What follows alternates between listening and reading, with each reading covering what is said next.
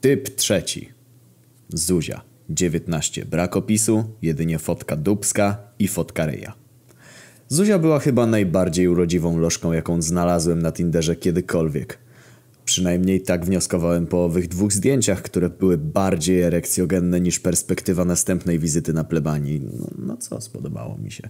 Nie była jakaś mega tragiczna w obejściu, to znaczy zabłysnąłem paroma zabawnymi tekstami, coś tam jeszcze podpytałem o jej zainteresowania, okazało się, że tańczy i interesuje się ekonomią. No i w końcu zgodziła się ze mną spotkać dwa dni później. Oblałem się całą zawartością butelki wody kolońskiej marki Brutal i przywdziałem najlepszą koszulę z nadzieją, że tym razem w końcu będzie dobrze i nie będę musiał już truć dupy mojemu psychiatrze. Od kiedy założyłem Tindera, typ naprawdę ma mnie dosyć. Przyszła na spotkanie w masce. Przynajmniej tak mi się wydawało na pierwszy rzut oka.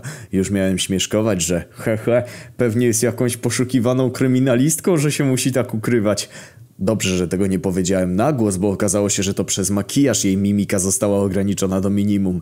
Miała na ryju taką warstwę, że śmiało mogła uchodzić za żywą reklamę nie tyle gładzi szpachlowej, co jakiegoś dużego sklepu budowlanego.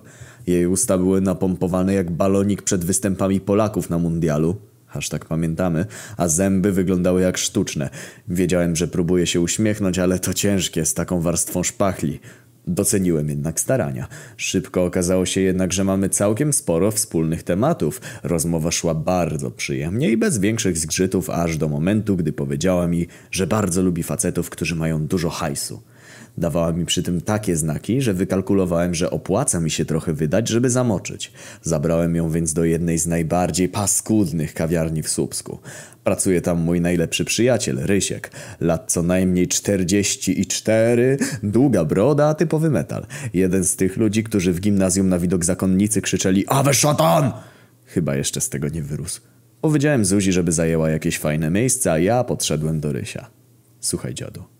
Pamiętasz, jak kiedyś wyciągnąłem twojego kota z kibla? Pamiętam. Pamiętasz, jak zajebałem w ryj typowi, który śmiał twierdzić, że death metal je gówno?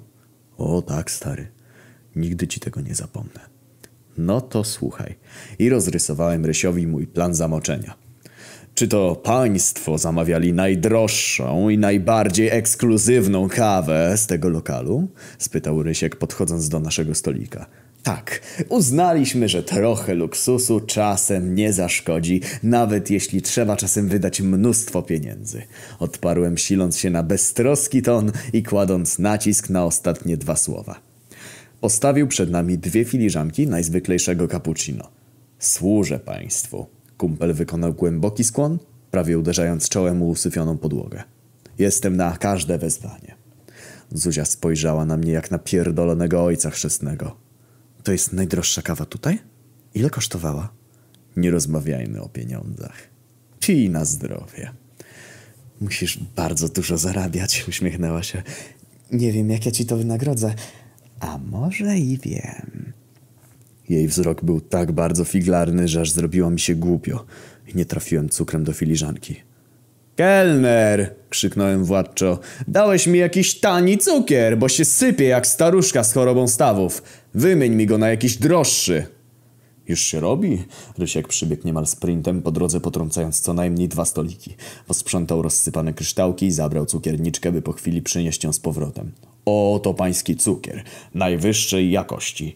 Z, e, z Indii. Indyjski cukier dobrze działa na cerę. Chyba poczuł moje ciężkie spojrzenie mówiące przystopuj stary, bo przestał pierdolić. Ukłonił się i odszedł.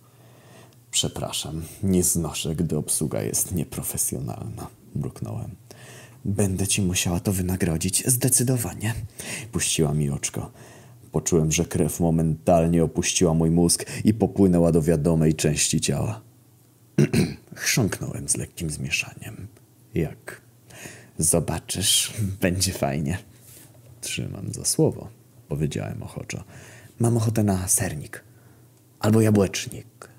Albo na jedno i drugie. Oznajmiła, nie przestając się uśmiechać w ów erekcjogenny sposób. W tym momencie poczułem, że telefon mi wibruje. Dzwoniła do mnie mama. W takim momencie. Przepraszam, mała. Rozmowa biznesowa. Zaraz wrócę.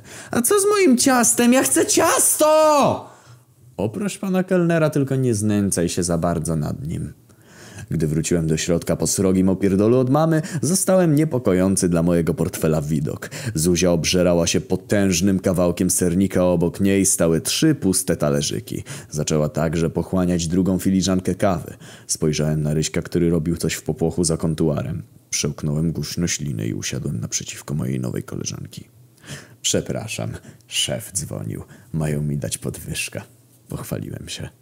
W takim razie trzeba to uczcić, co nie? Kelner! krzyknęła gniewnie. Kelner, przynieś duży kawałek sernika dla tego pana. Ale ja usiłowałem zaprotestować. Nie dyskutuj, wiesz jaki mają tu cudowny sernik? Obiecałem Ryśkowi, że gdy tylko będę miał jakikolwiek hajs w portfelu, to ureguluję ten rachunek. Opiewał na jebane osiem dych, ale było warto. Już widziałem majtki Zuzi leżące na podłodze mojego pokoju. Na pożegnanie Rysiek wykonał złowróżny gest podcinanego gardła. Nie było jednak tak łatwo jak myślałem.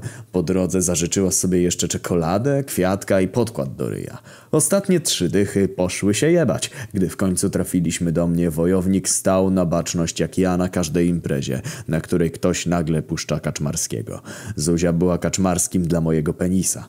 Jej spojrzenie było pełne pożądania, majtki niezaprzeczalnie wilgotne.